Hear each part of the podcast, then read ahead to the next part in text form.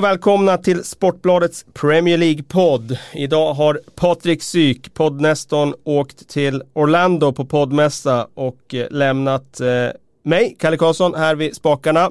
Och eh, till min hjälp har jag Frida Fagerlund från England. Så att vi ska köra det här eh, återigen då eh, på egen hand Frida. Och nu sitter vi inte här ens tillsammans i samma båt utan nu sitter vi i varsin båt i två olika länder och ska lösa det här. Men det kommer vi fixa.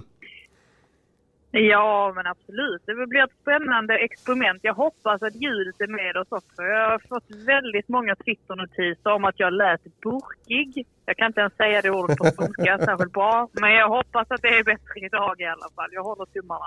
Jag hör dig eh, hyfsat i alla fall. Så att jag hoppas att det fastnar på bandet på samma sätt. Hur är läget borta i England? Och eh, kan du ge oss en en eh, rapport där bortifrån om hur Eh, stämningen är efter premiärhelgen.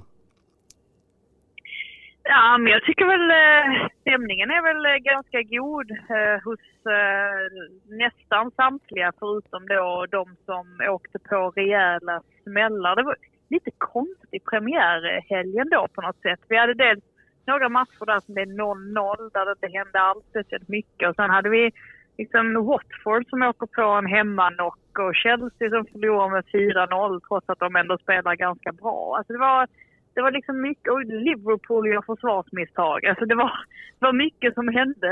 Eh, så jag tror att man, man får bara ägna den här eh, veckan nu till att smälta alla intryck. Ja men så är det ju. Det är ju mycket att smälta när det är en ny säsong som sparkar igång. Det är många nya lag, nya spelare och så vidare. Jag tänkte så att vi Eh, det blir naturligt den här första premiärpodden när ligan har sparkat igång att vi går igenom matcherna. Och vi börjar i, i, i tidsordning då, så vi börjar med fredagsmatchen. Liverpool-Norwich i fredagskväll. Eh, tankar kring den matchen Frida? Alltså min första tanke är ju att eh, man har en liten stoppspot för Norwich ändå. Eh, alltså dels eftersom de faktiskt spelar ganska bra. Sen är det alltid lätt att känna med ett lag som släpper in ett snöpligt självmål eh, så pass eh, kort in i matchen. Det var ju det var ett jäkla självmål han gjorde, eller hur? Alltså det, det var ju besatt där det skulle liksom. Det var klockrent. Ja, det var klantigt var det ju. Det, han hade inte behövt göra det. Det finns ju självmål där man liksom fläker sig fram och gör en heroisk liksom eh, glidtackling för att förhindra ett givet mål och så råkar den studsa in. Men i det här fallet så, så uh, ska han ju bara göra en enkel rensning och uh, får total snedspark och uh, lyckas pricka eget nät. Grant Hanley pratar vi om och det var ju inte direkt den den starten man vill ha som nykomling efter några minuter borta mot Liverpool. Eh, bara bjussa på ett mål på det sättet. Men eh, du gillade ändå lite vad du såg av Norwich? Ja, men det gjorde jag framförallt spelmässigt. Jag läste ju din taktikblogg som vi kan eh, göra lite eh, reklam för nu, att man borde gå in och läsa. Kan inte du ge en liten snabb sammanfattning av hur de spelar exakt? För att det är ju ändå lite speciellt ändå va? Ja, alltså vad ska jag säga? Jag tycker det var intressant med Norwich att de ändå eh, vågade spela upp från insparkar. Jag tycker att de eh, eh, spelar med ett risktagande som var högre än hälsosamt om jag säger så.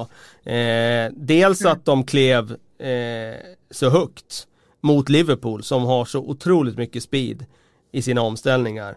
Och inte bara, det är en sak att kliva högt i lägen när ja men säg när Liverpool har inspark eller när man liksom låser fast dem. Men här var det ju faktiskt situationer i första halvlek när Norwich klev högt direkt efter bolltapp runt eh, offensivt straffområde. Att spelare tog steget fram istället för att falla tillbaka och samla ihop det. Och det, jag, jag kan gilla det. Eh, jag kan tycka att det är eh, häftigt att det kommer upp en nykomling eh, som eh, vill hålla sig till sitt spel, till sin identitet och som ser den här första matchen mot Liverpool som ja, jag tror att de ser det som ett test för vad kommer det här spelet att hålla för. Eh, mer än att de känner att det här kommer ge tre poäng på Anfield. För de tre poängen hade de ju förmodligen inte tagit hur de än hade spelat. Eh, och jag tycker det var eh, intressant att de verkligen försökte spela så mycket som de gjorde. Det var ju ehm, en nykomling som går upp på offensiv planhalva och kombinerar och försöker trä upp Liverpool. Och det gjorde de ju faktiskt några gånger i första halvlek. Jag tycker inte att det speglade matchen när Liverpool leder med 2-0. I det läget speglar inte händelserna för då har ju Norwich haft två jättelägen. Hans Stieperman hade ju något uselt avslut där i något rätt bra läge och något halvdant avslut i, i det andra läget. Och jag menar där tyckte jag det löst igenom liksom klasskillnaden mellan spelare och spelare. Stipeman han prickar familjeläktaren och, och Sala bara iskallt tar emot, glider igenom och rullar in 1-0. Eller 2-0, förlåt. Finns det inte risken då, finns det inte risken då att Norwich kommer göra lite som eh, Wagner gjorde i Huddersfield efter ett tag? Att man helt släpper på den där eh, spelstilen. För det, det, var, det var ju så Wagner gjorde i Huddersfield när han märkte att shit, vi, vi vinner inga poäng genom att spela rolig fotboll utan de gick, med, gick tillbaka till ett mer liksom, lågt stående försvar och, och mer liksom, försvarsinriktad fotboll. Tror du inte att det kan bli lite så i Norwich också? Jag tror inte det kommer komma eh, direkt från Norwich sida. Jag, jag tyckte ju att Huddersfield väldigt fort i fjol blev eh, defensivt. Jag tyckte ju att de var en besvikelse redan när de klev in i ligan. Jag trodde de skulle vara ett helt annat lag när de klev in i ligan. Eh, och sen blev de lägre och lägre och lägre och mer defensiva ju längre ligaspelet gick. Eh, jag tror att Farke är en sån idealist kring sättet att spela att han kommer att hålla fast vid det här. Och eftersom han ändå kan falla tillbaka någonstans på att det är en sån lågbudgetsatsning så finns det ju inga som helst krav och det finns ingen press på honom liksom att det är ingen som tror att de ska vara högre upp. Men jag kände ändå i den här matchen att gör Norwich det här mot säg lagen på plats nio och neråt i tabellen då tror jag att de kommer ha mm. eh, ganska stor framgång med det. Men det innebär ju inte att de kommer sluta eh, liksom automatiskt på en mittenplacering. Men jag tror att det kommer finnas matcher där lag som eh, ja, men jag ser bara omgången framför mig här som har spelats med lag som Burnley, Crystal Palace, Brighton, Aston Villa, eh, Newcastle. De kommer få stora problem med Norwich för de kommer få jaga boll och de kommer att eh, trä upp dem på ett sätt som gör att eh, de kommer kunna ha ett grundspel att falla tillbaka på. Och jag tror att eh, han kommer att driva den, den här linjen nu, eh, Farke. Att de ska vara spelande och eh, Sen får vi se hur långt det räcker. Jag hoppas att det räcker för det ja, hade varit häftigt. Ja men verkligen. Jag har inte sett, eller jag såg inte Norwich speciellt många gånger förra säsongen. Och det var, var ju mycket snack om Timo Pukki eh, så här innan säsongstart och hans fantastiska historia där med hur han inte kostade dem ett öre och så vidare. Men han är ju bra på riktigt. Ja, alltså, man kände direkt att det är någonting. Alltså. Ja, Nej, det, jag tyckte han var riktigt smart i sina löpningar. Det var jättebra timing i dem och han är ju en sån där lite lurig forward som eh, kommer att skapa problem för alla möjliga försvar. Han gjorde det ju för Liverpool nu. Framförallt tycker jag bakom Joe Gomez som hade lite jobbigt i eh, första halvlek inte minst. Eh, och sen var det ju bakom Gomez han hittade ytan när han gjorde sitt mål också, Temo Pukki. Så att ett bärande spel, eh, du menar eget spel eh, och sen en målskytt där framme. Det tror jag ändå gör att de har någonting att falla tillbaka på. Sen behöver de ju såklart rätta till en del grejer försvarsmässigt. För man kan inte bjuda på mål som de gjorde i den här första halvleken. Eh, det är dels självmål, det är dels eh, lite flipper i straffområdet, det är en hörna och eh, eh, det behö där behöver man ju bli mer rejäla. Men jag tycker ändå att det var Eh, det fanns delar i Norwich insats som var positiv. De tog sig faktiskt till fler avslut på Anfield än vad något annat lag gjorde under förra säsongen på Anfield. Motståndarlag. Och det säger väl ändå någonting om att de eh, lyckades med sitt anfallsspel. Eh, och där tror jag de har mycket att bygga vidare på. Vad säger du om, om ja, Liverpool? Men verkligen. Ja, men jag säger väl att eh, det är klart att de är kliniska i sina avslut. Och, alltså, de vinner ju 4-1 och vinner ju eh, välförtjänt eh, överlag, absolut. Sen är det ju orosmoln där i att Joe Gomez lite skakig. Trent verkar inte riktigt ha kommit in i säsongen. Eh, Allison, skada på honom. Verkar som att han blir borta minst sex veckor, kan bli åtta veckor. Eh, där har man ju eh, lite frågetecken som eh, jag tror att man tar med sig härifrån. Eh, men överlag en stabil premiär, så kan man väl säga. Ja precis, de behövde ju inte ens nå sin högsta nivå för att bara städa undan, borsta bort Norwich och vinna väldigt enkelt. Eh, det positiva är väl att de eh, kommer till så mycket lägen tack vare att de har dels individuell kvalitet men också det känns som att de känner varandra väldigt bra där framme. De vet var, var lagkamraterna finns när de kombinerar och det är liksom Ge bollen till, till Sala så kommer Firmino veta ungefär vad som ska, ska ske och sen dyker han bara upp i, i, i nästa yta och sen är det liksom en kombination och motståndarna hinner inte med. Är det dags att vi mm, omvärderar Origi till, eh, till att vara mer än en supersub?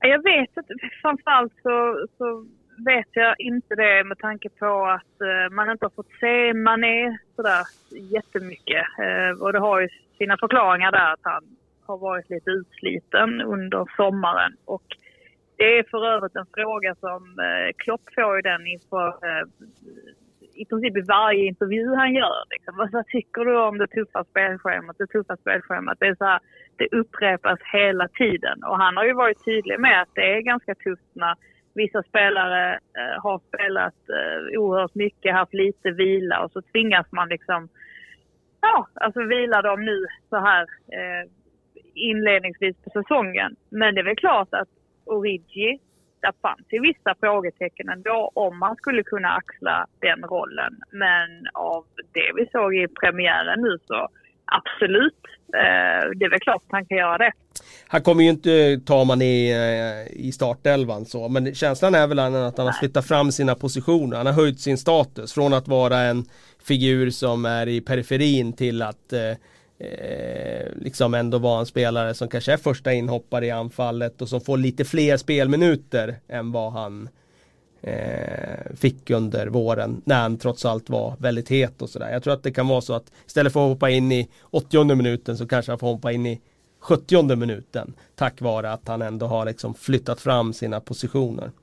Eh, det gällande Alisson skada där så gick Klopp ut och sa, jag läste i morse här att eh, han sa att ja det har skrivits om eh, eh, sex veckor och åtta veckor och så vidare men det vet vi inte än men det blir i alla fall några, några veckor sa han. Så vi får avvakta och se hur länge det blir där men det var ju tur för Liverpool att de värvade Adrian som jag tycker är en väldigt bra andra målvakt i av fönstrets sista eh, timmar där. Eh, för eh, om nu Alisson skulle drabbas av någon slags återkommande problematik med den här vaden då då kommer det ju vara fundamentalt för Liverpool att de har en trygg andra eh, slips där bak. Ja, och, och det pratar man en del om här borta, just det här med Adrian som var tvåa bakom eh, Fabianski och, och, och, sådär. Att han nu kan få sin chans helt plötsligt att, att visa vad han går för. för som sagt, att West Ham-supportrar framförallt tycker ju liksom att Adrian var en fantastiskt bra målvakt. Problemet yeah. var bara att man hade en annan målvakt som var ännu lite bättre. Um, så att uh, jag tror att det här, som sagt, att det är en jättestor chans för Adriano att visa, visa att han liksom hör hemma på den här uh, nivån. Sen är det klart, det är stora skor att fylla. Det är Allison, uh, världens mest dyraste målvakt, en av världens bästa. Men eh, nej, det är ju där eh, orosmolnet ligger för Liverpool, helt klart. Vi kan väl nämna också Norwich innan vi lämnar den här matchen. Vi kan väl nämna Norwich ytterbackar där. Tonåringar Max Aarons och framförallt Jamal Lewis som jag blev väldigt imponerad av. Lewis i den här matchen i, i första halvlek där. Ja, han missade markeringen på van Dijk på hörnan. Men å andra sidan, det är inte så lätt att brottas med van Dijk i straffområdet. Så där tycker jag han är lite förlåten. Eh, det kanske var snarare så att någon annan i Norwich borde ha haft den uppgiften. Eh, med boll tyckte jag han såg jättespännande ut. Och det här är alltså två killar som fortfarande är tonåringar. Ja, vad tyckte du om eh, Tim Krull då? Alltså jag, jag han, är inte eh... säker på att han är första målvakt i, i Norwich eh, när Ralf Fährman är varm i kläderna. Eh, jag, eh, eh, tror att Färman kommer ta över den rollen. Krul hade ju en fantastisk säsong i Newcastle när de slutade femma i ligan där men sen dess har det väl varit lite si och så. Eh, det var väl inte så lätt att, att vakta målet i, i, mot Liverpool här. Han gör ju ett par bra räddningar också. Inte minst på Firminos volley där eh, i första halvlek. Så att eh, eh, jag, tror, jag tror att eh, Färman kommer att ta över den där första spaden eh, snart. Mm, jag håller med. Vi lämnar Liverpool Norwich så länge och går vidare i eh, West Ham Manchester City slutade 5-0 till gästerna. Eh, det var väl ingen överraskning kanske att, eh, att de gick hem med segern men eh, eh, det var ju utan tvekan ett, ett, statement att börja ligan med en 5-0. Vad tog du med dig från, eh, från den matchen? Eh, ja, jag såg delar av den matchen på eh, Vicarage Road eh, medan jag satt och väntade på att avsparken skulle ske där mellan Watford och Brighton. Eh, det jag tar med mig specifikt är lite eh, statistik. Ja. För att nu har väl City, om det var 22 eller 25 procent. Eh, de har gjort alltså 22 eller 25 procent av målen som West Ham har släppt in sedan flytten till London Stadium. Och det, det, säger ju en del om att de, eh, det är Manchester City. De, de är som de är. Eh, sen var ju VAR, eh, fick ju en väldigt stor huvudroll under matchen. det... Ja, hur tycker det du det funkar? Kan, ja, alltså det, det, grejen är att domsluten blev ju rätt och det vet jag att Mark Clattenburg också skrev i, han har en sån här kolumn i eh, Daily Mail och han var lite irriterad för han menade på att de här domsluten blev trots allt korrekta så att vi kan inte skylla på VAR. I så fall är det faktiskt eh, alltså reglerna som är dåligt skrivna. Eh, det är alltså inte ja, inte var man kan beskylla för, för att det är dåligt för att det gör, gör bara sitt jobb och det kan jag absolut köpa. Men eh, det blev ju verkligen en sån här rivstart och en väldigt, eh, alltså, en väldigt tydlig bild av när VAR blir lite för mycket. När det tar lite för mycket av spotlighten. Man vill ju helst bara att VAR ska finnas och sen så känner vi inte av det riktigt. Här, här stod det ju i centrum i, i princip hela tiden. Sen har jag inte sett jag, som sagt, jag såg ju inte matchen speciellt noggrant. Så jag kan inte påstå att jag har eh, liksom utvärderat eh, samtliga domslut och sådär och, och var, varenda gång som VAR blandade sig i. Eh, men det, det var min känsla. Liksom, kring. Jag vet inte om du såg det bättre? Ja, alltså när det gäller den där VAR eh, i just den här matchen så kan jag tycka just när det gäller offside så finns det ju en där finns det ju ett rätt eller fel. Det är ju ett facit. Antingen är du offside eller så är du inte offside. Och eh, där tycker jag att VAR spelar en bra funktion för att det är så otroligt svårt att uppfatta för linjedomaren i realtid när det går så fort. Och där tycker jag att VAR eh, fyller en bra funktion. Eh, och då spelar det ingen roll eh, om det är en decimeter, en halv decimeter eller två centimeter. Eh, är man offside så är man offside. Och så jag köper det. Och där kan jag tycka att det är okej okay att det tar lite tid att reda ut då, om man är exakt i, i linje eller om man var precis framför. Och eh, i det här fallet så blev det ju de rätta domsluten på det. Och så även när straffen slås så tänkte jag faktiskt på det direkt när jag såg reprisen. Så tyckte jag att ja, men han var väldigt, väldigt långt ut från linjen.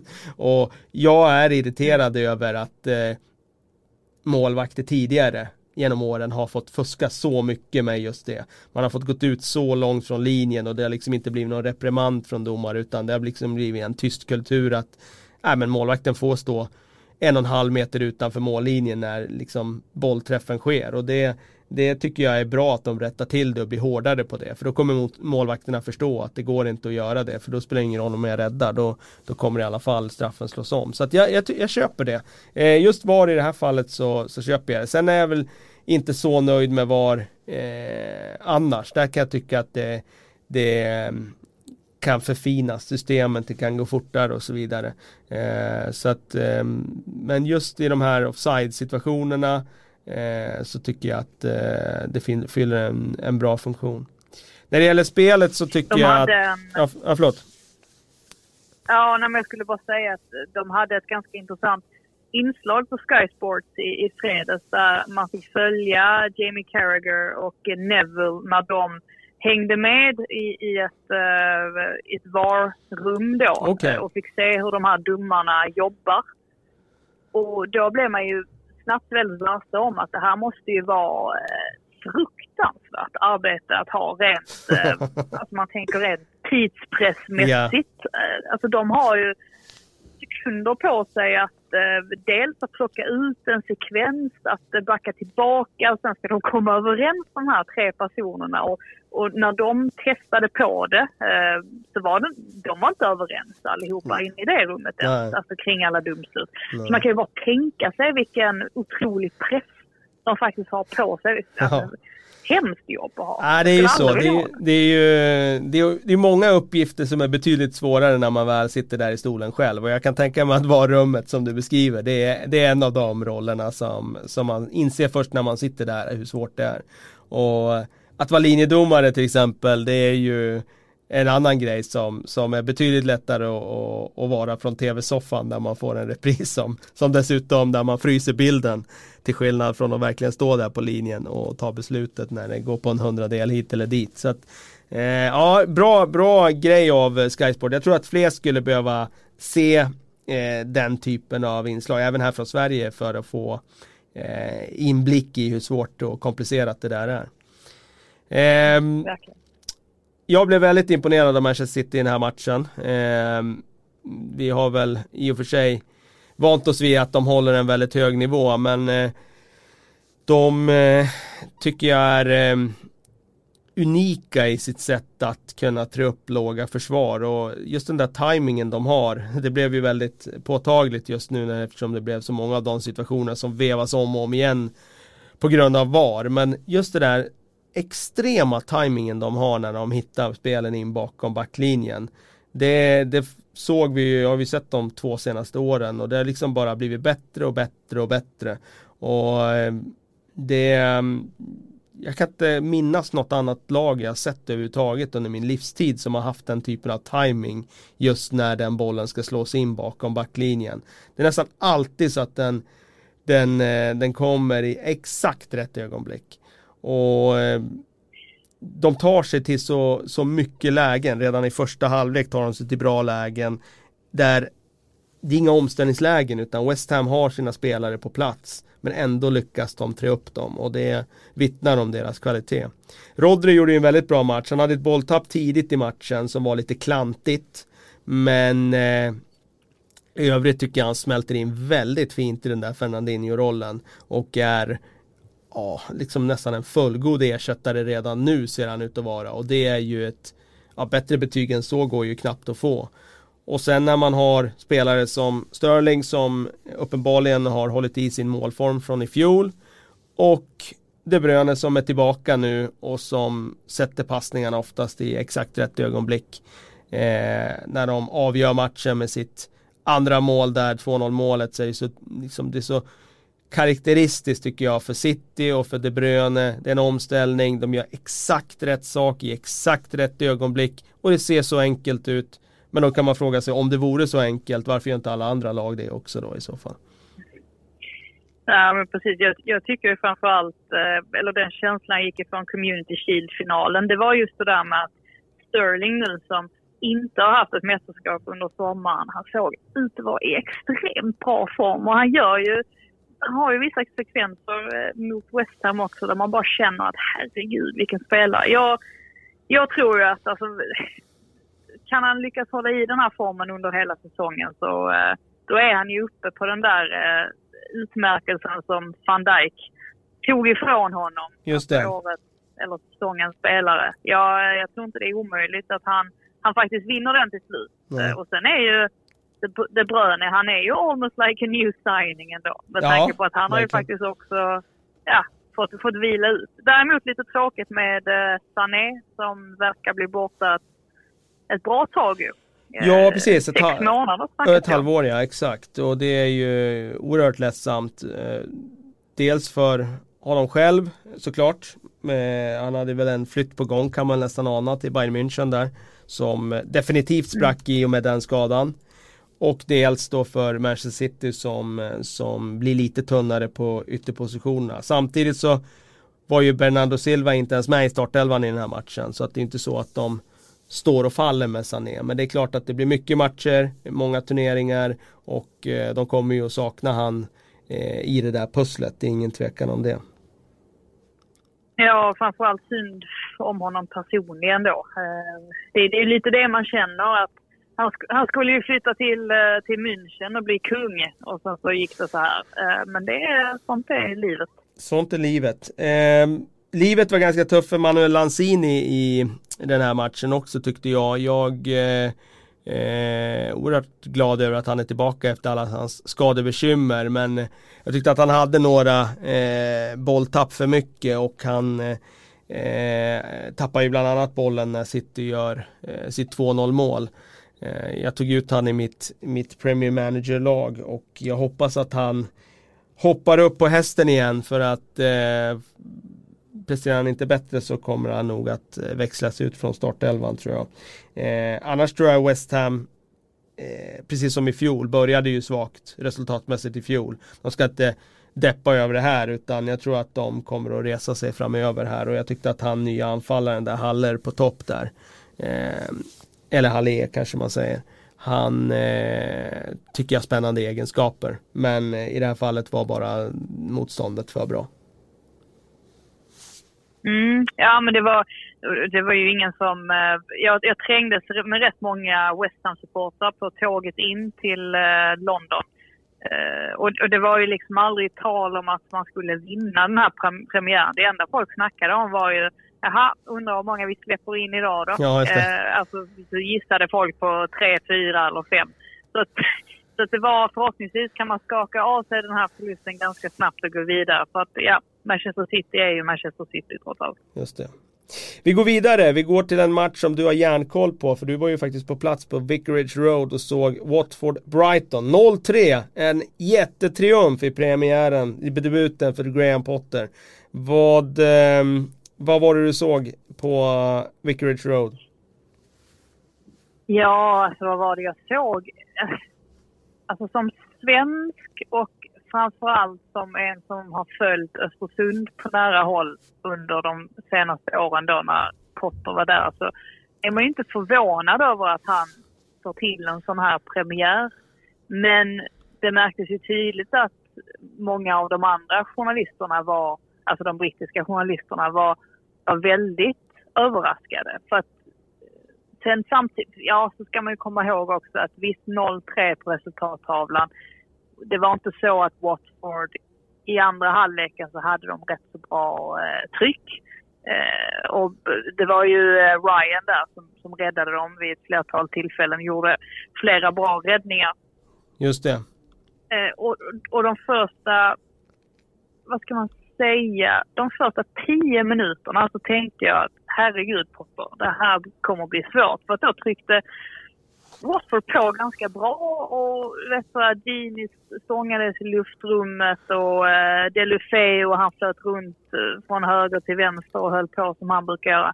Men sen var det som att liksom Brighton, de, de bara kom igång med det här snabba, kvicka kortpassningsspelet som är Potters signum lite grann. Och jag blev ju smått eh, förälskad tänkte jag säga. Det var starka ord kanske. Men jag blev positivt överraskad av eh, Martin Montoya. Mm. Som eh, hade någon sorts eh, wingback-position på högerkanten. Ja. Och han, eh, han var en sån där...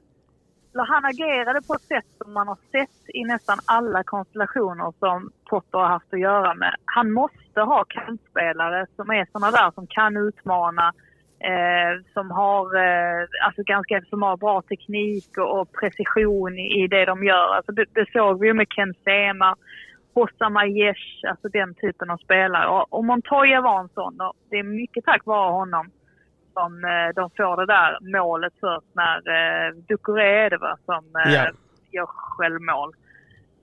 Och, och sen, eh, sen rinner det liksom bara på. Allting gick ju med Brighton i princip. Så att nej, det var liksom en, en premiär där allting gick snett för Watfords del. Och det, det sa ju Xavi Garcia också efteråt att vi förtjänade inte vinna den här matchen överhuvudtaget. Det, och det kanske var ett bra wake-up call för oss här tidigt in på säsongen.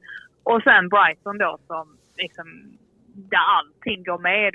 Menar, inhopparna gör mål på första touchen. Hur ofta händer det exempelvis? Så att det var, nej, det var fint att se när Potter gick bort och tog emot Brighton-supportrarnas eh, applåder. De, hade, de började ju redan sjunga om honom och sådär. Så att fortsätter det så här så lär han bli en eh, legendar.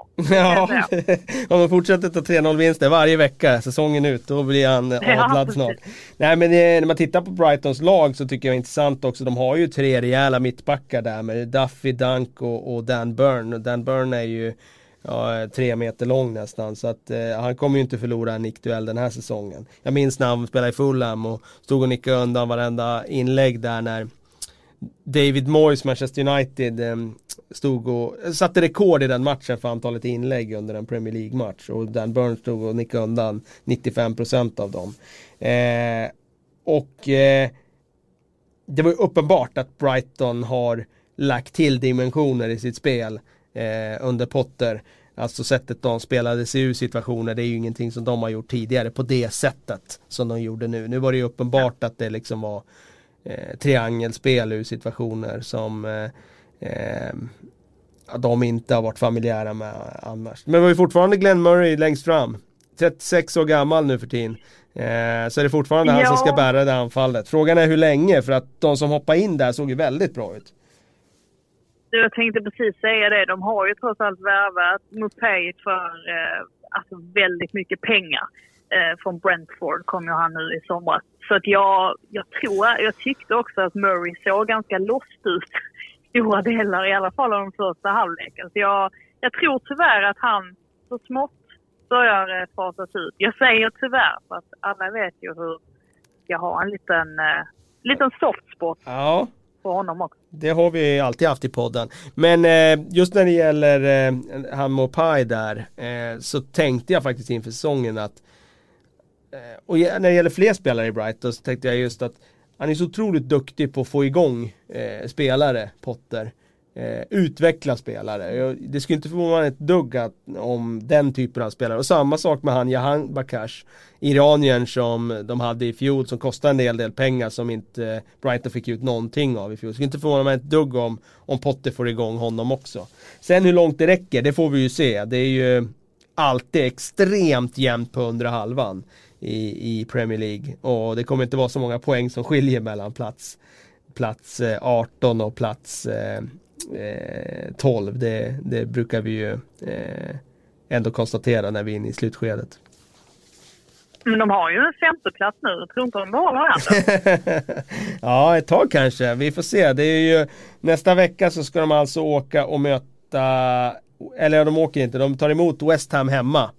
Och eh, det är klart att ett eh, lite nedslaget West Ham efter premiärsmällen skulle kunna vara en ny skalp för, för Brighton. Men vi får se. Det, det ska bli oerhört spännande att följa. Tar de den så har de ytterligare en hemmamatch mot Southampton hemma. Så det är inte omöjligt att de går med, med tre raka när de möter City i, i omgång fyra på bortaplan. Och då blir det en, en seriefinal.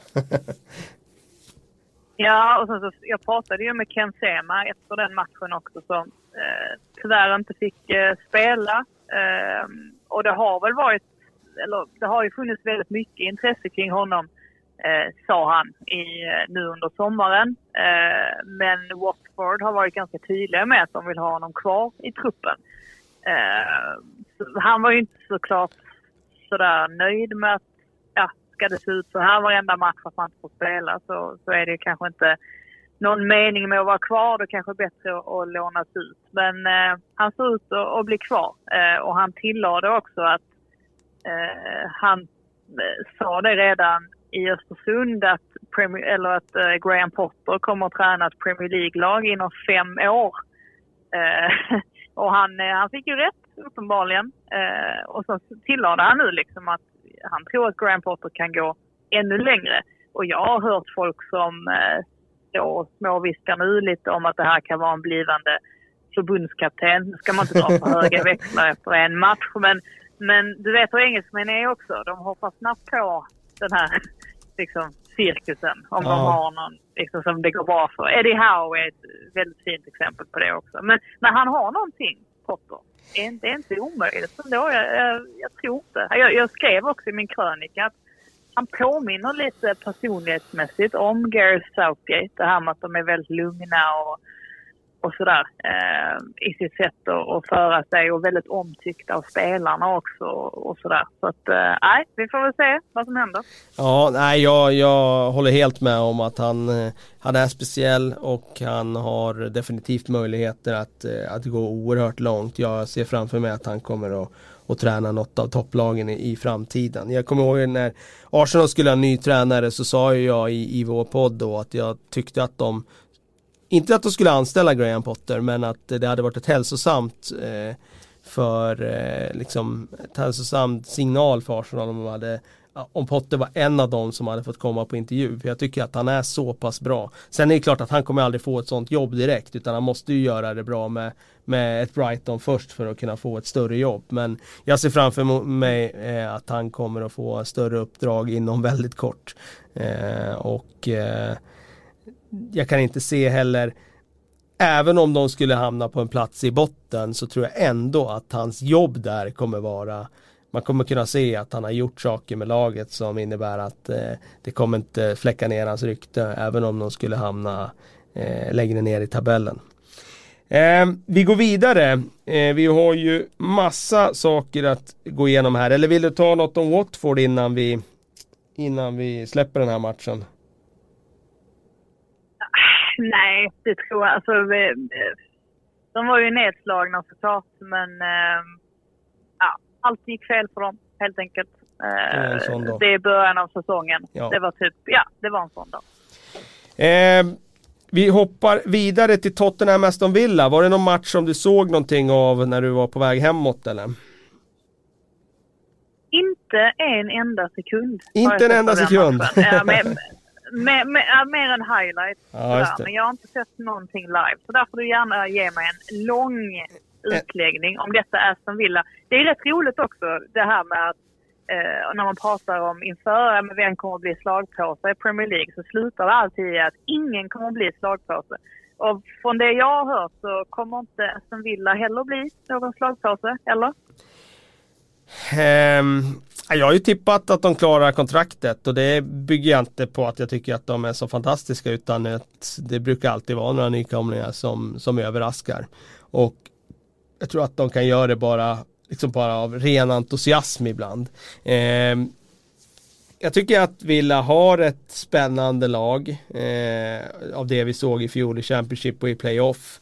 Så tycker jag att de har ett lag som kommer kunna eh, ja, de kommer kunna spela eh, vägvinnande fotboll även i Premier League.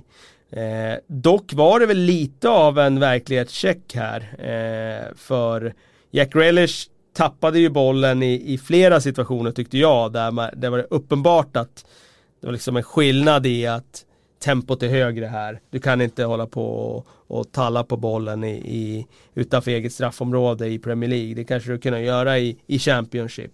Eh, och det var ju eh, ett av målen så var det ju helt och hållet han som eh, får ta på sig det. Han tappade bollen utanför eget straffområde. Och det var fler situationer i matchen tyckte jag där han tappade bollen eh, ganska enkelt. Annars tycker jag att det var ett intressant villa med framförallt McGinn imponerade. Eh, han imponerade ju även i playoff på många. Och gjorde ju eh, målet här på ett väldigt fint sätt. Kom in bakom backlinjen och eh, var kylig ner att eh, kylig nog att, att eh, hålla i skottet ett ögonblick innan han hittade det bortre hörnet. Och så långt såg det ganska bra ut. Jag tyckte att de kontrollerade Spurs bra i första halvlek. Och eh, det krävdes ju att, att Pochettino gjorde flera förändringar. Eh, men nyckeln blev ju eh, trots allt att han satte in Christian Eriksen. Eh, när han kom in på planen så, så var Tottenham betydligt mer spetsiga framåt.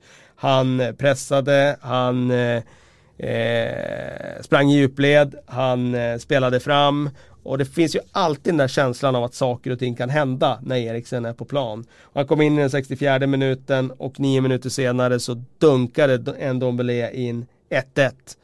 Och eh, från den, alltså jag kände hela andra halvlek att eh, Spurs kommer ju vända det här.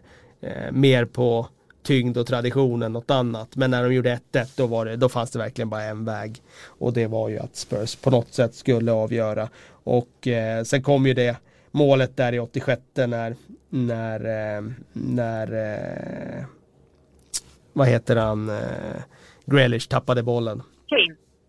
Ja, mm, ja precis och, och Kane satte dit den och det var ett typiskt Harry Kane mål. Eh, står och luktar sig till läget på offside-linjen.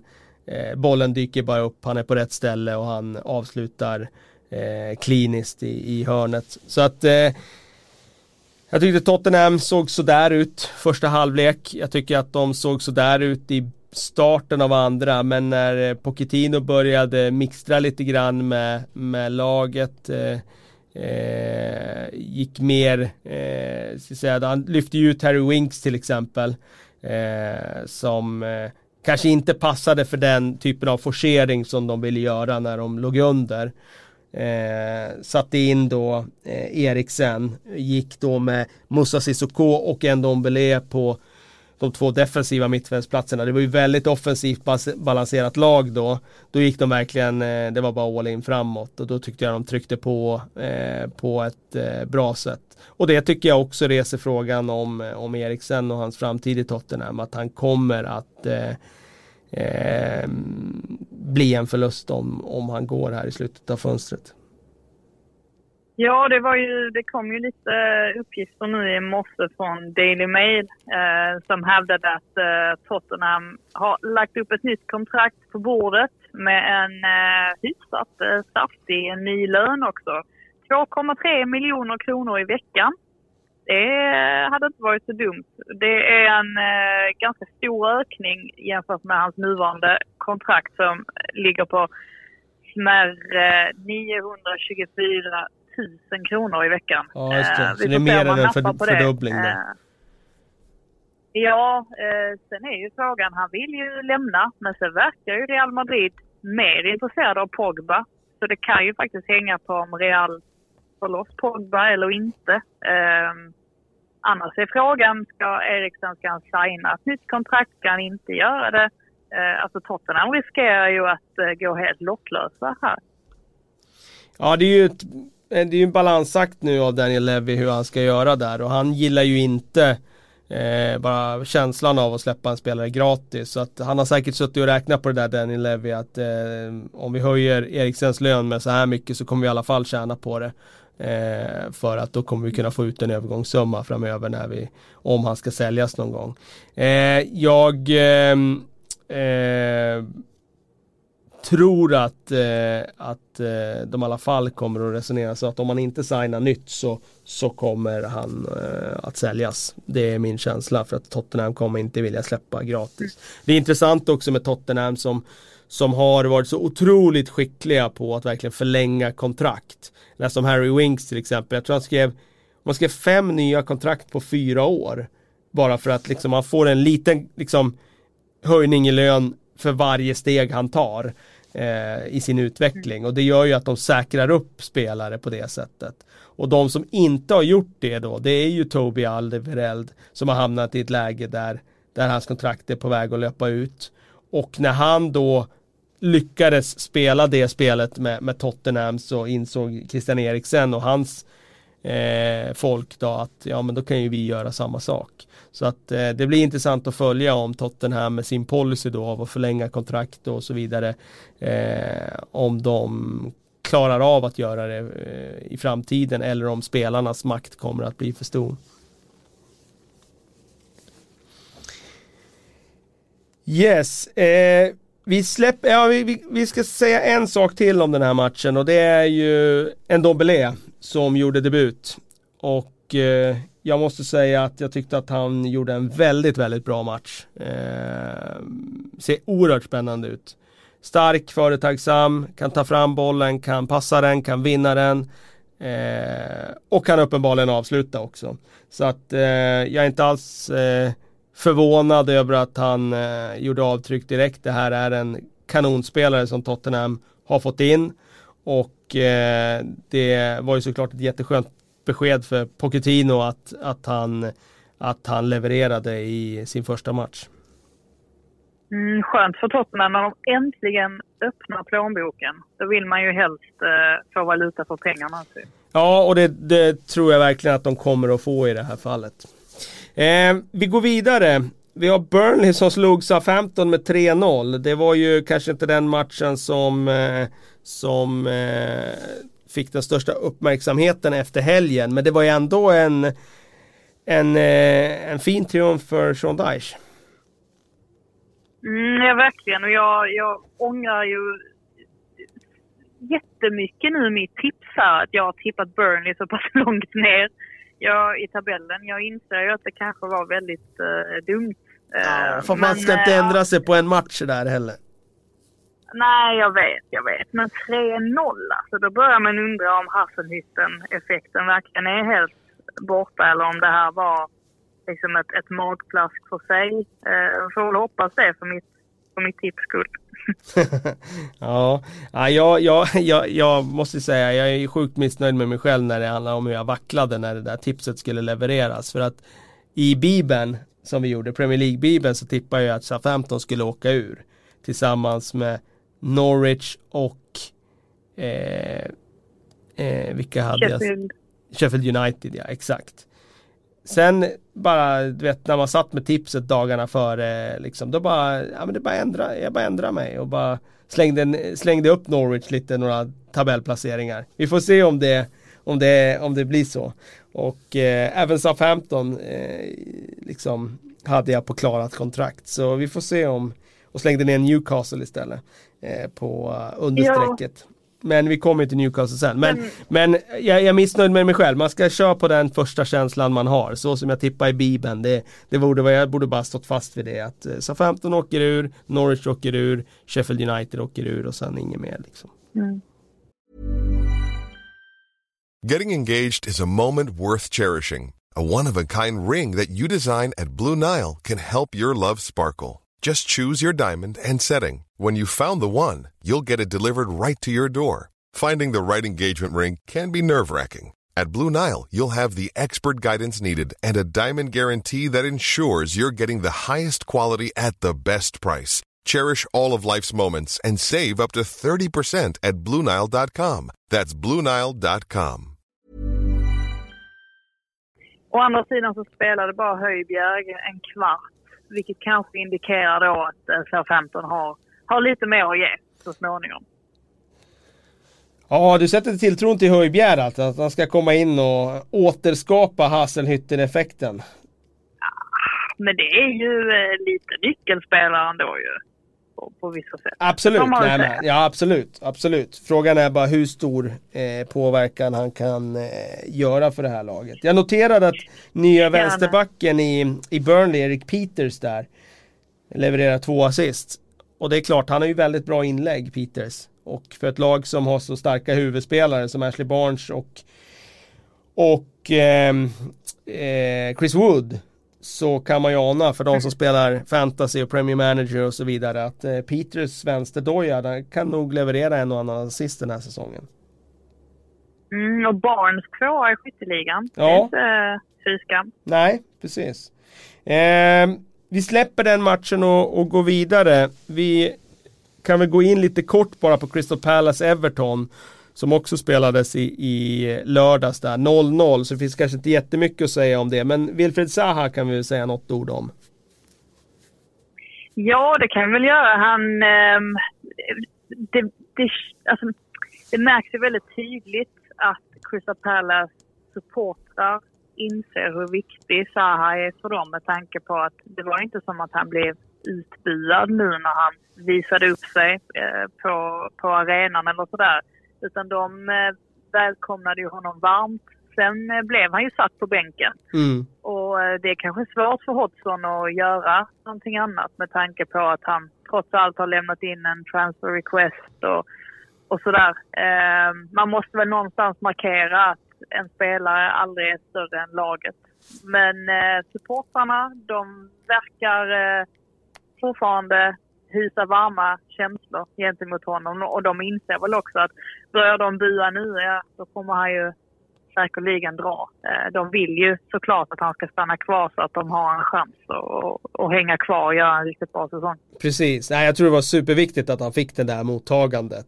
För det kommer ju hjälpa spelaren att få huvudet på plats igen och känna motivation och så vidare. Så det, det det är klart som Hodgson i hans kläder, han blir ju jätteglad när, han, när Zaha får det där mottagandet. För då känner ju han att okej, okay, nu har vi en större chans här att få, få, få ut det vi ska få ut av Wilfred Zaha. Eh, så att eh, jag tror att han andades ut lite där. Eh, Bournemouth Sheffield United kommer jag bara nämna kort och det är för att jag inte sett en enda minut av det här. Men jag noterade att eh, Bournemouth eh, managern Eddie Howe valde alltså Ramsdale i målet framför Boruk, framför Begovic. Och det var ju lite intressant. För det hade nog inte så många räknat med. Nej, så kanske det var. Um, jag, som sagt, jag har inte heller sett uh, en minut av den här matchen. Men uh, de har ju suttit på... De värvade väl in någon annan målvakt också, Bournemouth, under sommaren. Alltså någon helt annan. Som också skulle vara med och konkurrera om jag inte har helt fel. Ja, det kan stämma. de verkar ju sitta på en del där. Ja. Det, det vet stämma. jag inte riktigt. Jag kommer inte alls ihåg vem det var. Han fick inte Men, plats på bänken äh, i den här matchen för Boruk satt på bänken i alla fall. Nej. Ja, exakt. Billy Sharp fick göra mål. Ja, verkligen. Billy Sharp fick göra mål i Premier League. Det tycker vi är sanslöst roligt för Sheffield United där. 88 minuten petade han in en boll. Han har ju varit en eh, flitig målgörare i Football League. Men eh, inte någon flitig målgörare i Premier League. Så att eh, det var ändå kul. För det är ändå en sån där fråga man har haft. Kommer Billy Sharp kunna göra mål i Premier League? Det visar i alla fall mm. att han kan göra ett returmål i 88 minuten i alla fall. Ja, det är not bad for a fat lad from Sheffield. exakt, som, eh, exakt. The, Gar The Guardian körde på. det var li lite otippat, men ja. Eh, ja, kul för honom. Ja. Vi går vidare till söndagen här för jag ser att tiden springer iväg ganska rejält när du och jag sitter vid spakarna. Vi eh, går in på söndagens matcher. Vi börjar i Newcastle. Newcastle Arsenal 0-1. Vad tog du med dig från den fighten? Jag tog eh, framförallt med mig att eh, vår kära Steve Bruce inledde med att eh, ja, vad var det han gjorde egentligen? Han blev förbannad eh, helt enkelt eh, vid ett tillfälle där när eh, han skulle, hur var det nu, han skulle byta in... John Jusjelvi hade fått han någon skadekänning. Precis. Shelby skulle, skulle ut, bytas av av Williams. Ja. Eh, Jethro Williams. Och han ska alltså gå ut på kanten men hamnar som central mittfältare varpå det då en kommunikationsmiss, varpå Steve Bruce vänder sig mot avbytarbänken och, och skriker väldigt fula ord och undrar vad det är som pågår. Alltså det, blev ju, det uppstod en komisk situation som journalisterna snappade upp. Eh, för de satt uppenbarligen tillräckligt nära för att, för att höra alltihopa. Eh, det lär nog ske en del sådana grejer känns det som under hösten. Att, eh, ja, Steve Bruce visar upp sig från den sidan. Ja, när jag läste om det där så var jag tvungen att bara gå tillbaka till den eh, sekvensen där i matchen och titta hur det såg ut. Och det var ju så här att han skulle sätta in Willems på vänster vingback och flytta in Matt Ritchie centralt. Men eh, Willems uppfattade inte det utan han trodde att det var ett rakt byte med Johnny Shelby så han skulle gå in och spela centralt. Så han spelade ju centralt då i två, en och en halv minut ungefär och Bruce stod och viftade nere på linjen att han skulle bortåt och då gick han väl bortåt men han gick ju bara bortåt eh, i liksom sin roll som centralfältare fortfarande. Han blev ju liksom inte någon kantspelare av det. Men sen blev det väl någon form av eh, fast situation där och då förstod han att okej, okay, ja just det, jag ska vara wingback och Matt Ritchie ska ska ta platsen på mittfältet. Det som var lite pikant var ju att bara minuterna efter det så är ju Williams i högsta grad inblandad i det som blir segermålet. För eh, Mm. Den passningen är inte jättebra men han måste ju läsa att den passningen är för kort och gå in och ta den bollen. Nu står han och bara och väntar på den bollen där ute på kanten. Ainsley Maitland Lights sprintar fram, snor bollen, driver den framåt, smeker fram ett, eh, ett jättefint inspel till, eh, till Aubameyang som sätter 1-0. Lite kul kuriosa var att jag satt i pressrummet på Old Trafford och tittade lite på den här matchen. Eh, och Sam Allardyce satt fem meter ifrån och när han fick se det här försvarsmisstaget på Arsenals mål där eh, så eh, utbrast han bara Oh no, that's terrible! Så det ekade i hela pressrummet. ja, det, det, det, det är fantastiskt. Det är fantastiskt. Big Sam gillar inte när man ger bort enkla mål. Det, det ska gudarna veta. Nej.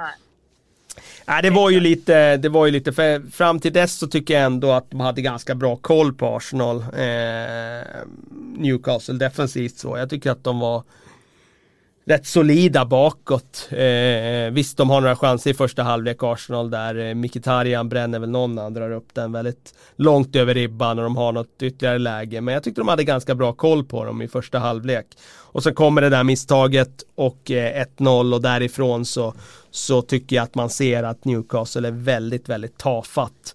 Det blir ju absolut ingen form av offensiv i slutet utan det blir liksom ingen Arsenal behöver ju inte ens för, anstränga sig för att eh, freda sitt mål. De får ju något läge där precis i 92 minuten och inlägg de lägger in mot mål och det är lite kalablik för någon sekund. Men bortsett från det skapar de ju inga heta målchanser alls. Eh, och där sätter jag ett frågetecken kring eh, Newcastle om, om, eh, om deras offensiv här och nu är tillräckligt bra. Måste säga att jag i övrigt blev väldigt förvånad när jag såg Arsenals startelva. Alltså man hade ju vant sig vid att Unai Emery uppenbarligen är en sån tränare som vill slussa spelare in långsamt. Det såg vi inte minst förra hösten. Just det här med nyförvärv och så vidare. Men eh, det här var ju en eh, lite medioker startelva på rätt många sätt. Alltså om man ser till mittfält och eh, ganska många försvars... Ja, några försvarsspelare där också. Eh, helt okej okay, eh, anfallare får man ju säga, Aubameyang. Men eh, lite överraskande ändå att han valde att satsa så pass ungt. Väldigt modigt av Emery. Sen vet man ju inte, eftersom man inte vet den fysiska statusen på de här spelarna som har kommit tillbaka från semester och sådär. Mm. Eh, och deras skadebild och så vidare. Eh, det är klart att Nej. han hade spelat ett bättre lag om han hade haft möjlighet till det. Men det var ändå intressant att, eh, att han gav förtroende till Willock till exempel centralt. Som jag tycker ser spännande ut. Eh, Reece Nelson har vi ju väldigt stora förväntningar på efter hans succélån i, i Bundesliga. Eh, han var väl lite både och tyckte jag, han blandade och gav. Eh, medan Maitland Niles faktiskt var utropstecknet tycker jag i den här matchen. Jag tyckte han var riktigt bra som ytterback. Och eh, där finns det ju faktiskt en, eh, en så kallad ehm, eh, ja, skohornslösning. Han är inte ytterback egentligen i grunden men det finns ju en lösning där för Arsenal med högerbacken tills Bejerin är eh, tillbaka som kanske då stavas Maitland Niles. Mm, ja men precis. Och det är lite intressant att komma in lite på, på Chelsea här men eh, Mourinho eh, sa ju eh, det där med, han, han sitter ju, det kan man ju säga, han sitter ju numera som tv-expert i Sky Sports, oerhört uppskattad för det. Eh, men han sa just det här med spelare som är eh, eh, slitna och som kanske inte kommer till start. Att det var typ det han blev mest irriterad på som manager när experter och pandits överlag skulle ge sig in i någon diskussion att varför spelar den här spelaren istället för den och, istället för den när man inte har någon insyn Nej, i det. Precis, nej. och det var ju lite, det sa han ju samma sak om Chelsea att han hade ju inte låtit Kanté startar på bänken, men han, han vet ju inte riktigt vad som har, alltså hur statusen är på Kanté. Nej. Alltså så är det ju väldigt ofta när ja. vi kritiserar startelvor, att vi, vi, vi vet ju ingenting. Nej, så är det. Det, det är helt korrekt.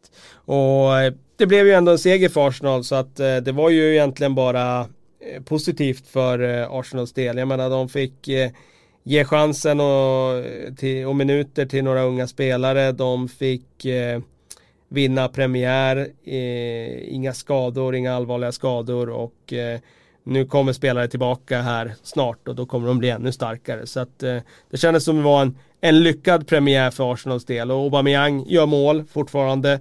Jag är oerhört imponerad av hans förmåga att, eh, att eh, alltid leverera mål oavsett var, när, hur så vet man att han kommer att göra mål. Får han bara spela där framme i den rätta rollen så kommer han göra mål. Och det blir intressant att se hur han formerar laget framöver sen när, när Lacazette är tillbaka. Men jag skulle tro det såg ut något typ 4-2-2-2 system eh, nu i helgen. Att det liknar något sånt som han laborerade med lite grann under hösten i fjol där, där han får in två anfallare. Att Lacazette ersätter Willock som var någon slags tillbakadragen anfallare i den här matchen, tia. Och sen att yttrarna får gå in och, och spela centralt. Eh, det, det känns som det är så de kommer spela. Eh, ja, jag, jag ska ju faktiskt på, eh, på Arsenal Burnley här på, eh, på lördag och insåg att eh, jag har sett Arsenal Burnley på plats tre säsonger i rad. Ja, du ser.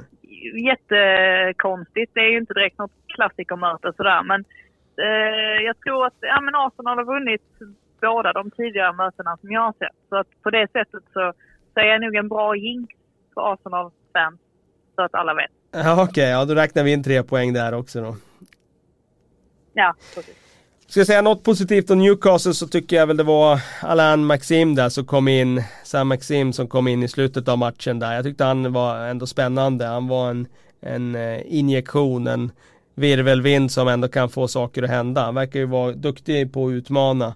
Och det tror jag att de kommer behöva. Sen vet jag inte om han blir den spelaren som gör mycket poäng. Men jag tror att han kan gå in och, och sätta fart på saker och ting. Joel Linton såg ju inte så skarp ut just i den här matchen. Eh, där förväntar vi oss mer sett till vad han har kostat.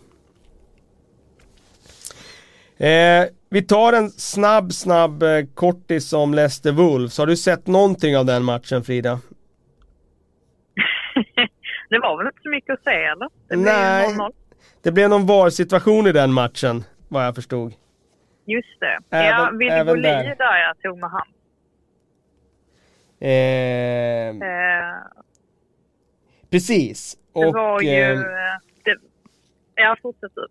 Ja, nej men det var någon VAR-situation där med hans och de, de eh, dömde ju bort ett mål där. Eh, så det eh, ja, var väl lite snack om varför de gjorde det och så vidare. Men det, det som konstateras är ju att den nya regeln säger att om bollen träffar handen i en offensiv situation så man får hjälp att göra ett mål där man har på något sätt bollen att träffa handen.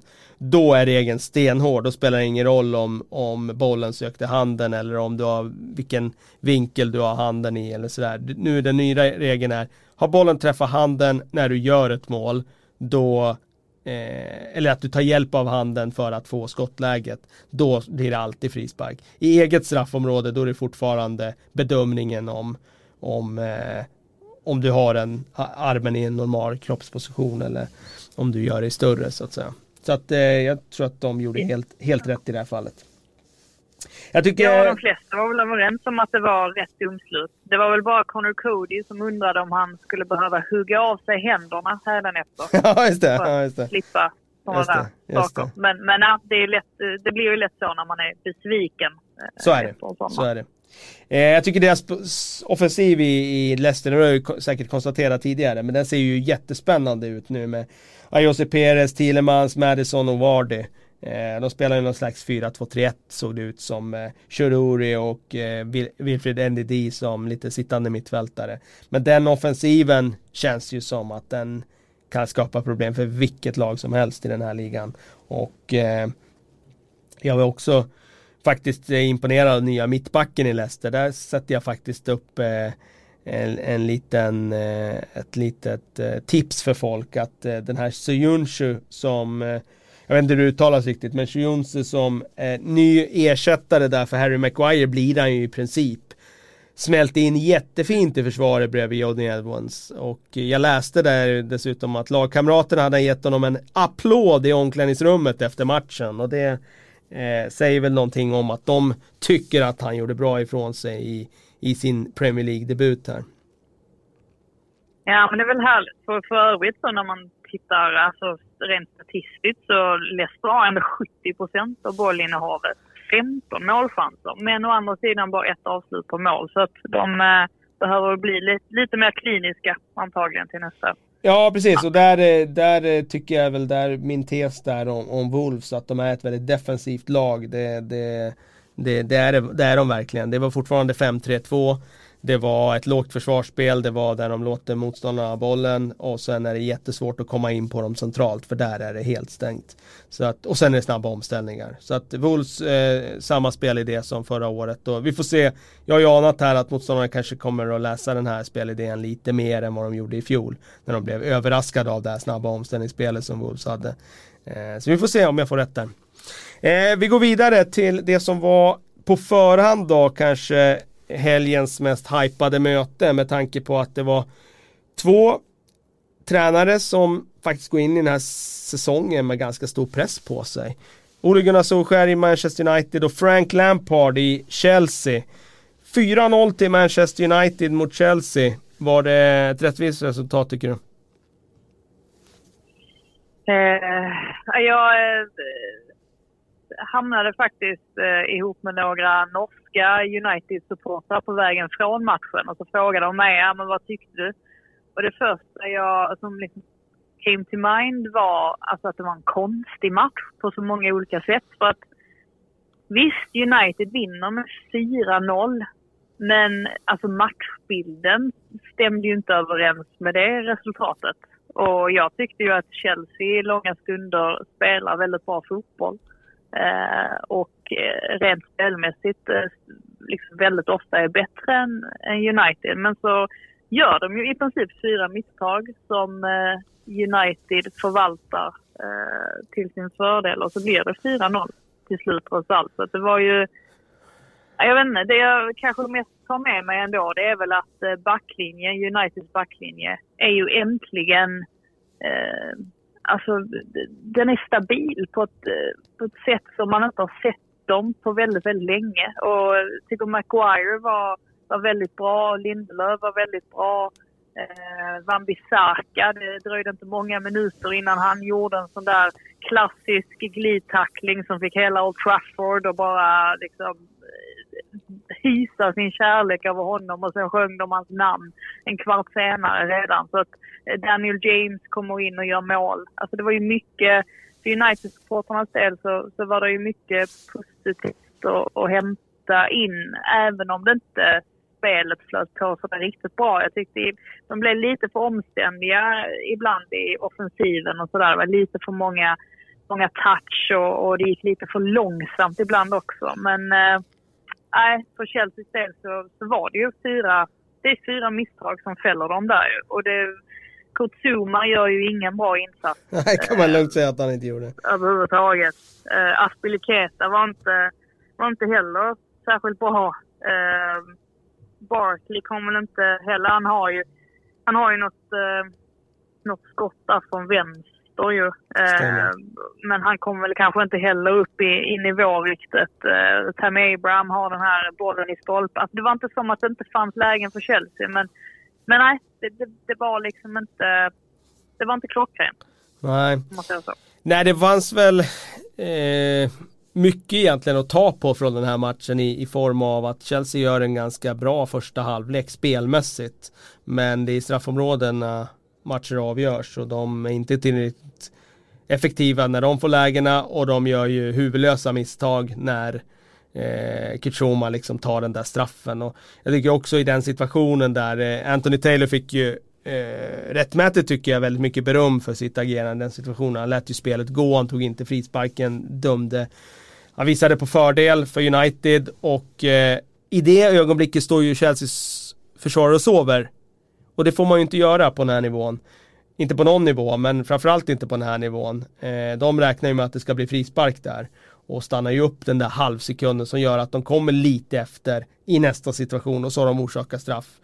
Och jag tror eh, det kommer vara otroligt stor skillnad på Manchester United de matcherna där de tar ledningen och de matcherna där de inte tar ledningen. För eh, får de ställa om med den här farten som de har där framme då tror jag att de kommer bli sylvassa i de matcherna där de lyckas eh, ta ledningen. För jäklar vad fort det går när Rashford, Martial, Daniel James kan komma in från bänken och vara eh, en av ligans absolut bästa omställningsspelare tror jag.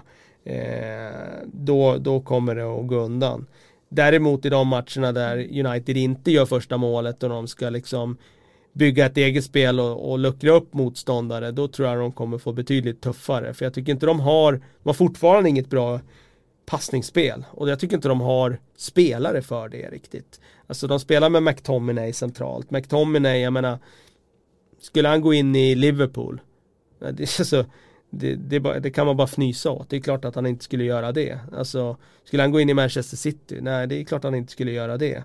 Utan han är ju en soldat för att liksom städa upp bakom de spelarna som bara ska explodera framåt så fort United vinner bollen och då ska han vara på plan för att täcka upp för dem. Och det kan han, den uppgiften kan han lösa.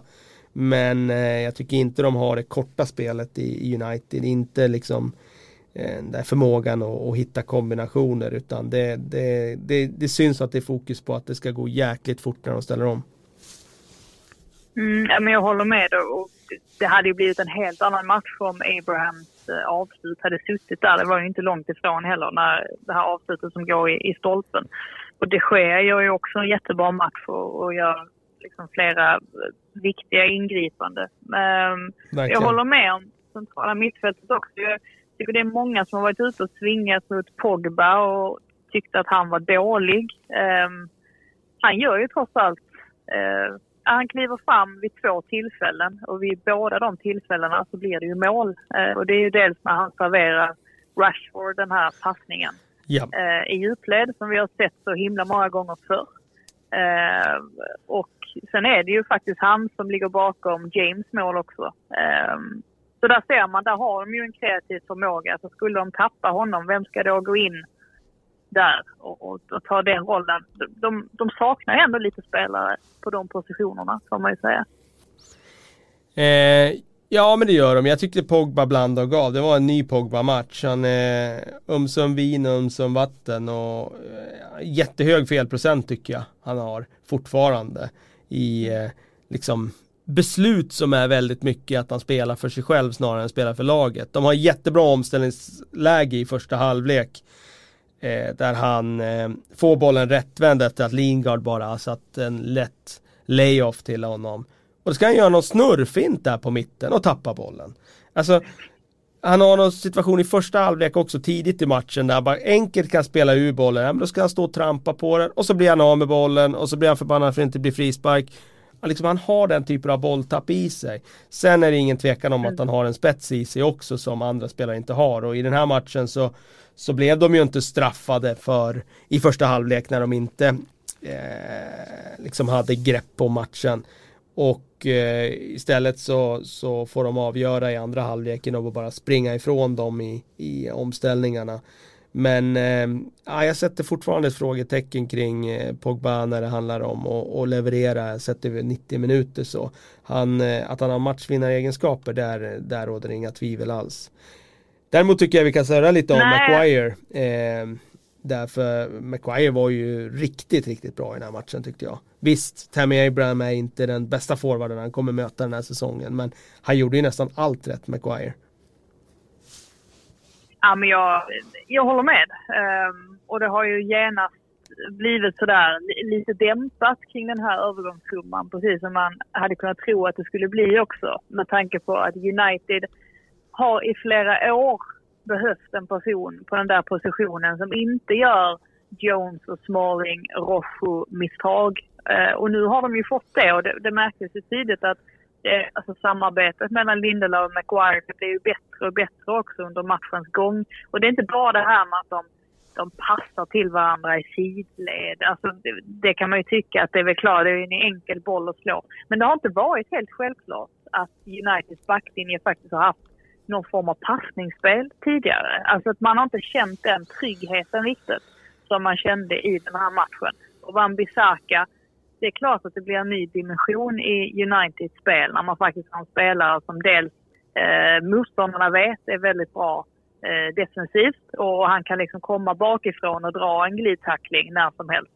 Samtidigt som han även är ett hot offensivt. Alltså det får ju även motståndarna i, i gungning för de vet om att de kan liksom inte, de kan inte släppa honom. Eh, de måste hålla koll på honom också. Så att, ja, jag tycker att eh, där får man ju säga att United verkligen lyckades i sommar genom att ta in de här två spelarna och faktiskt få en ja, men en, en stabil backlinje. Det är väl så man kan beskriva Ja, precis. Nej, men de har ju redan höjt United och då tycker jag ändå att Shaw gjorde en ganska svag match eh, till mm. vänster. Men eh, tack vare att man har då McGuire som skänker lugn och auktoritet och Van Bissaka som skänker den här säkerheten i att han blir inte bortgjord i en mot en på sin kant utan han stänger igen bra där då uh, kändes det ändå ganska stabilt för United. Visst, de släppte till en del chanser, så det är klart det finns små saker här och där att rätta till. Men det kändes ändå som ett rejält lyft jämfört med, med förra säsongen. Eh, och sen får vi säga att, att eh, Rashford där och han eh, eh, gör ju två mål nu i den här matchen. Var väl kanske inte spelmässigt sådär fantastisk men det var ju ändå en väldigt bra start för Solskär med tanke på att det varit mycket snack om Rashford och hans nya kontrakt och har han mentaliteten eller har han inte mentaliteten. Och eh, Lingard har ju varit jättemycket snack om efter hans eh, sociala medier fadäser. Eh, Martial har det ju varit frågetecken kring också. Har han liksom, är han gjord av rätt material? Men nu startar ju alla de här tre där framme och de eh, fick ju göra mål då, både Martial och, eh, och Rashford och det tror jag var oerhört viktigt. För det är ju lite ny roll också för Martial att ligga som, som nia. Han har ju spelat där någon gång tidigare men det är lite en ny idé de har där om att de ska kunna växla position lite och dyka upp lite här och där. Ja, men precis. Jag tror för Rashfords del också så det, de tendenserna man har sett hos honom tidigare det är att om han, han gör ett misstag ganska tidigt in i matchen så är det väldigt lätt att han liksom faller ihop och sen så går allt snett för honom. Alltså de, det såg man flera exempel på så sent som i våras. Men nu i den här matchen så han gör ju någonting där i början. Han hamnar med ryggen emot eh, mål, liksom eh, slår bort någon passning, eh, försöker chippa fram någon boll och sen så går den inte fram. Och så hör man direkt publiken alltså blir helt vansinnig och, och, och skriker hans namn liksom att kom igen nu Marcus. Men att han ändå tar sig samman från det och kan gå fram och slå den typen av straff som han slår så stensäkert och, och hårt. Alltså det visar ju att han förhoppningsvis kan bygga på sin mentala styrka också lite grann. För det, det, det är ändå mycket press han har på sig nu. Nu ska han liksom visa att han är den här strikern som allt, allt hänger på. Jag tror att han kan bli den.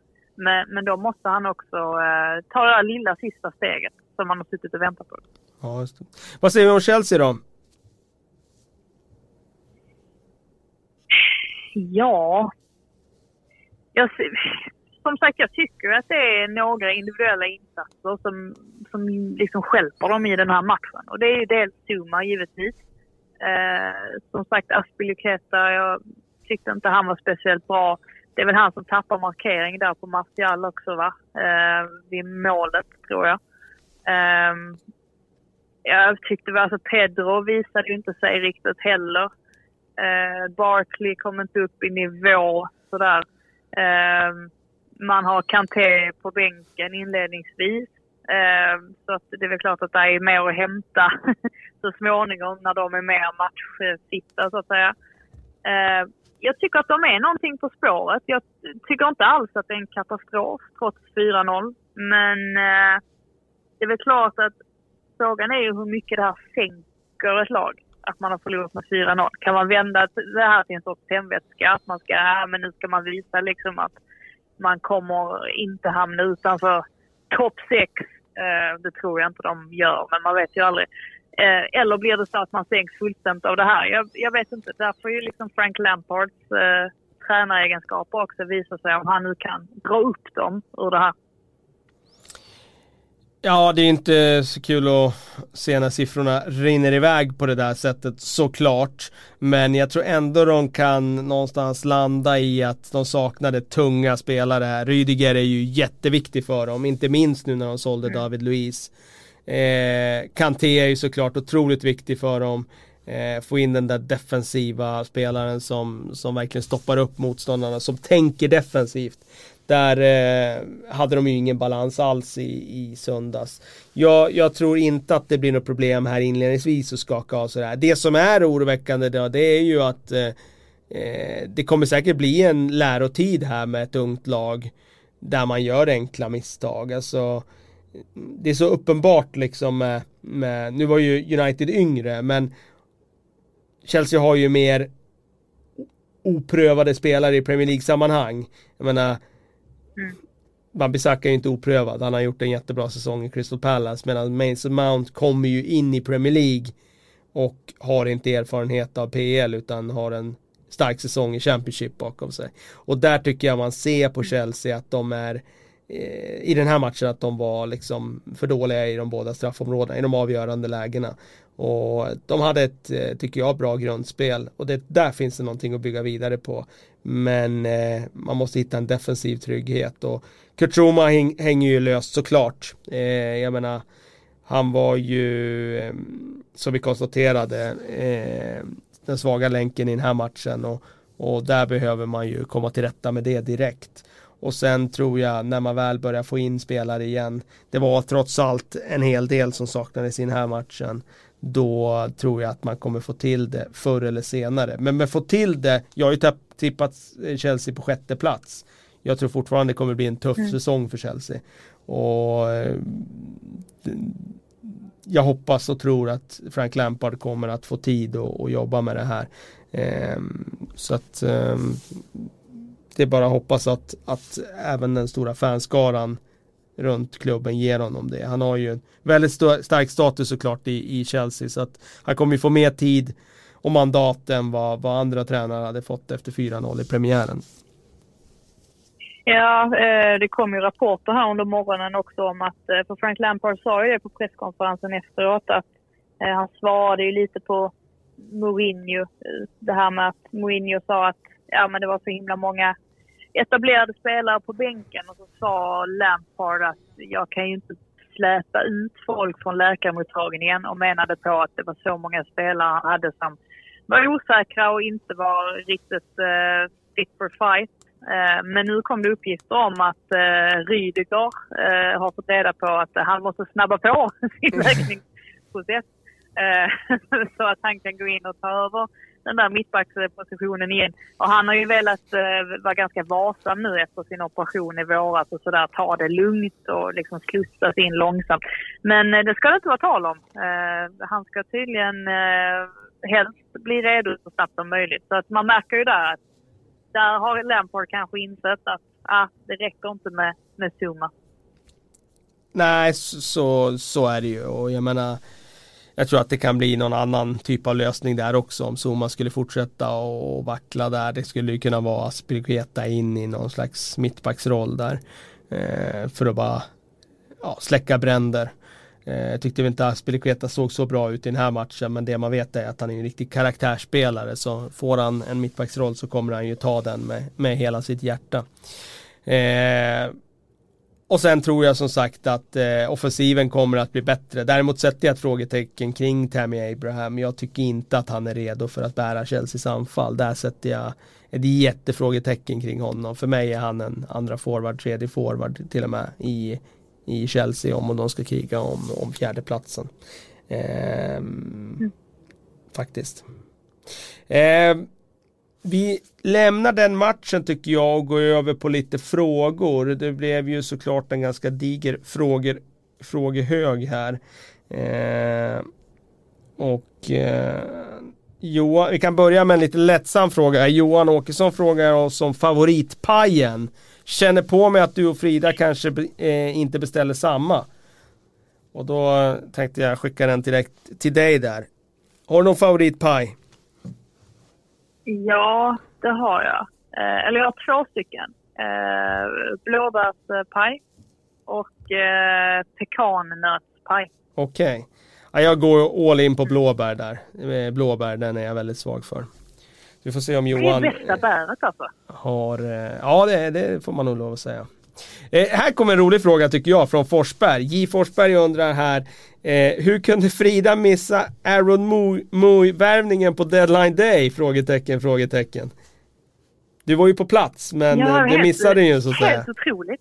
Berätta, vad, Nej, vad utspelade var, sig där? Nej men grejen var att eh, du vet vi, vi blev ju utslussade, eller alltså Potter fick ju fråga om detta på presskonferensen och så svarade han lite svävande. Och sen så blev vi ju ombedda att eh, lämna liksom efter ett tag sådär när man suttit och jobbat. Eh, och sen bara liksom ser jag på tåget på vägen hem att Moj är klar. Då har han ju säkert varit där, eller i alla fall i närheten ju, kan man ju tänka sig. Så det var lite sneaky av Brighton. Jag är lite besviken på att de inte gav oss den ändå. Ja, det, jag vet ju hur det är med det där. Man kan ju, även, ibland ser man inte skogen för alla träden så att säga. Och eh, eh, även om man är på plats så kan man ju vara precis på missa saker ändå så att säga.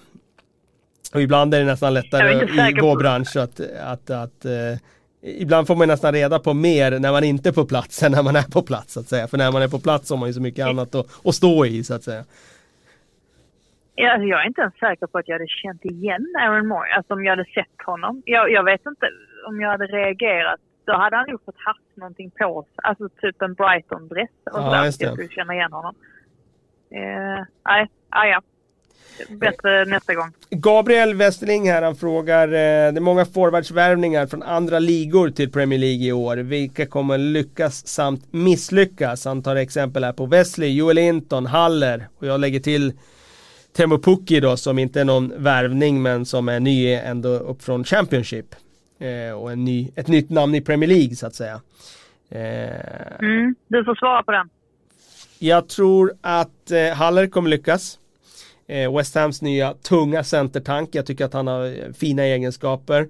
Eh, både när det handlar om vad han gör felvänd och vad han gör när han är rättvänd.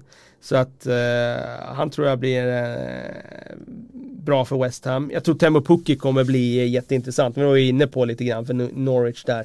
Eh, han känns eh, riktigt giftig. Wesley har jag inte sett ännu så mycket så att han lämnar jag lite frågetecken kring. Joel Linton sätter jag också frågetecken kring om han kommer få rätt service också i Newcastle. Han såg väl lite sådär ut i premiären men även om han är bra så kommer han få rätt service i Newcastle. Där eh, är jag inte säker så där sätter jag väl mina frågetecken då kring anfallarna. Eh, har vi sett Özil för sista gången i startuppställning? Startuppställningen i Arsenal med tanke på hoten och eh, Vilok Ceballos? Vad tror du där? Det undrar Fredrik.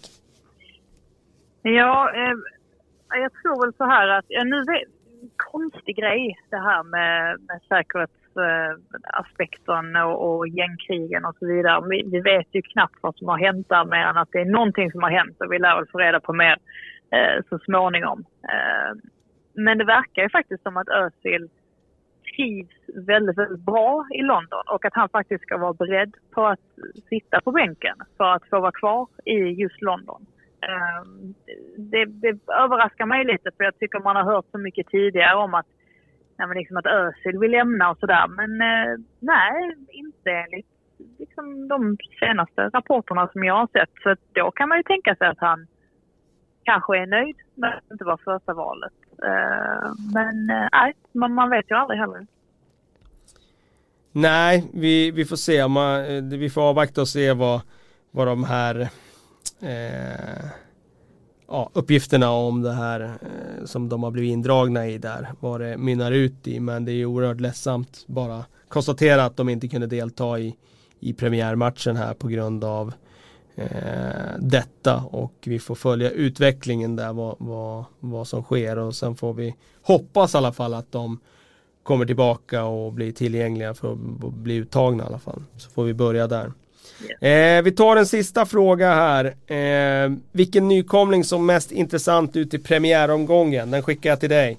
Så får du svara på den. Det är Fotboll 99 som, eh, som 999 till och med som ställer den. Ja, det är svårt för mig som bara har sett Norwich ordentligt. Men eh, jag tyckte ju å andra sidan att Norwich såg väldigt spännande ut. Precis som vi var inne på och hade en lång utläggning om. Just hur spelet flöt på och att de faktiskt har spelare där framme som, eh, som är ja, men, jäkligt bra målskyttar. Som då Pukki till exempel. Så ja, det är Norwich säger väl jag. Just det. Eh, det var sista frågan. Vi skulle ta upp också Mourinho. Han har ju gjort debut i tv-studion eh, i Sky Sports och ja. vad jag förstår har det blivit succé. Som det nästan alltid blir det ska man ju säga när, det, när någon gör debut. För att eh, tittarna vill ju alltid ha en ny röst och ett nytt ansikte. Så alla får ju beröm i början. Eh, men eh, det har blivit mycket snack om Mourinhos eh, eh, medverkan i Sky Sports. Kan du berätta där borta i England? Ja, nej men verkligen. Jag vet att jag tog upp detta i våras någon gång också om att eh, ja men då var ju Mourinho, han satt ju i eh, ja men vad satt han? Ja men det var dels någonting som, som bara går på Youtube tror jag eh, och sen satt han ju i, eh, shit hjälp mig, vad heter, vad heter kanalen? Ja, Bein Sport Bein Sports heter det. Såklart. Just det. Eh, och jag liksom insåg då vilken fantastiskt kunnig människa det här är. Man glömmer ju lätt det med tanke på där man liksom att det oftast liksom stormar kring honom när han tränar ett lag och sådär. Men det här är ju en otroligt skarp fotbollshjärna. Och det blev man ju varse om direkt nu i helgen och det var ju därför det blev en sån succé också. Att allting han säger det finns ju, det är inte floskler, det är inte baserat på någonting som hände för tio år sedan. Han kommer ju raka vägen från den här branschen. Och det är lite kul också att han kan ju sitta och knäppa Jamie Carragher och Gary Neville lite på näsan ja, ibland av saker de säger. De har ju ingen annan som kan göra det. Uh, ja, men han sitter och lär dem fotboll. Och man känner själv att efter varenda utläggning så, så, kan man faktiskt ta till sig mycket och känna att men gud, nu lärde jag mig någonting.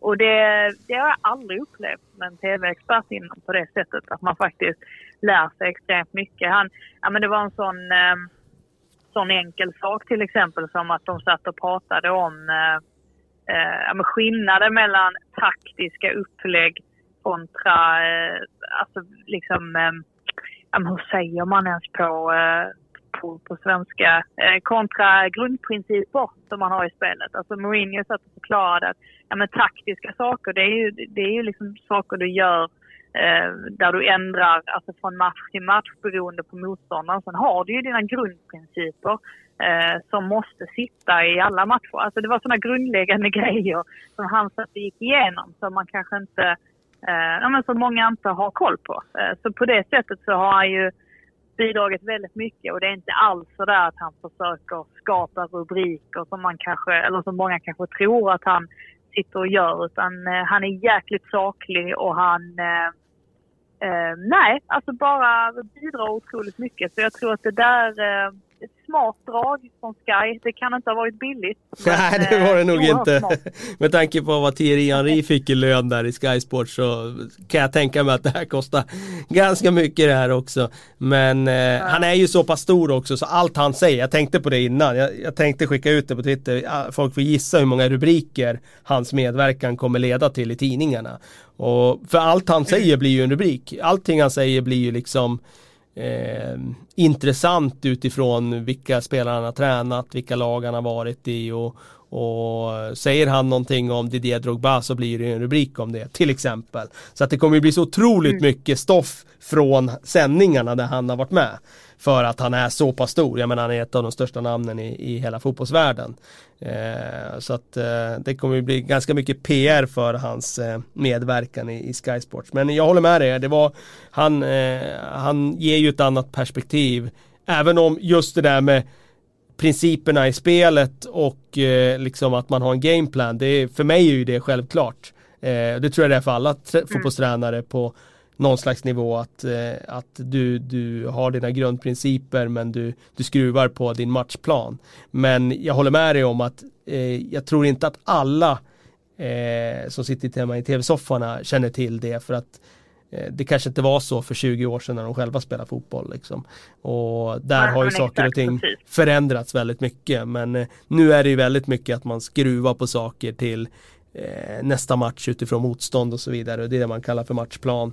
Medans alla lag såklart har någon slags grund eh, liksom filosofi, princip som man, som man står på. Men jag håller med, det var ett eh, bra framträdande av José Mourinho och eh, det var ett bra framträdande av dig också för att nu måste vi faktiskt sätta punkt här. Vi har snackat i Jäklar, ungefär en och en halv länge. timme drygt och eh, det brukar ju alltid dra iväg när du och jag ska sitta och ratta det här och det gjorde det den här gången också. Eh, vi tackar Frida på länk från England och jag ska eh, eh, lämna över den här stafettpinnen från eh, programledarstolen till Patrik Syk till nästa vecka för då är han tillbaka så vitt jag vet. Och eh, så hörs vi igen helt enkelt eh, nästa vecka. Tack för idag!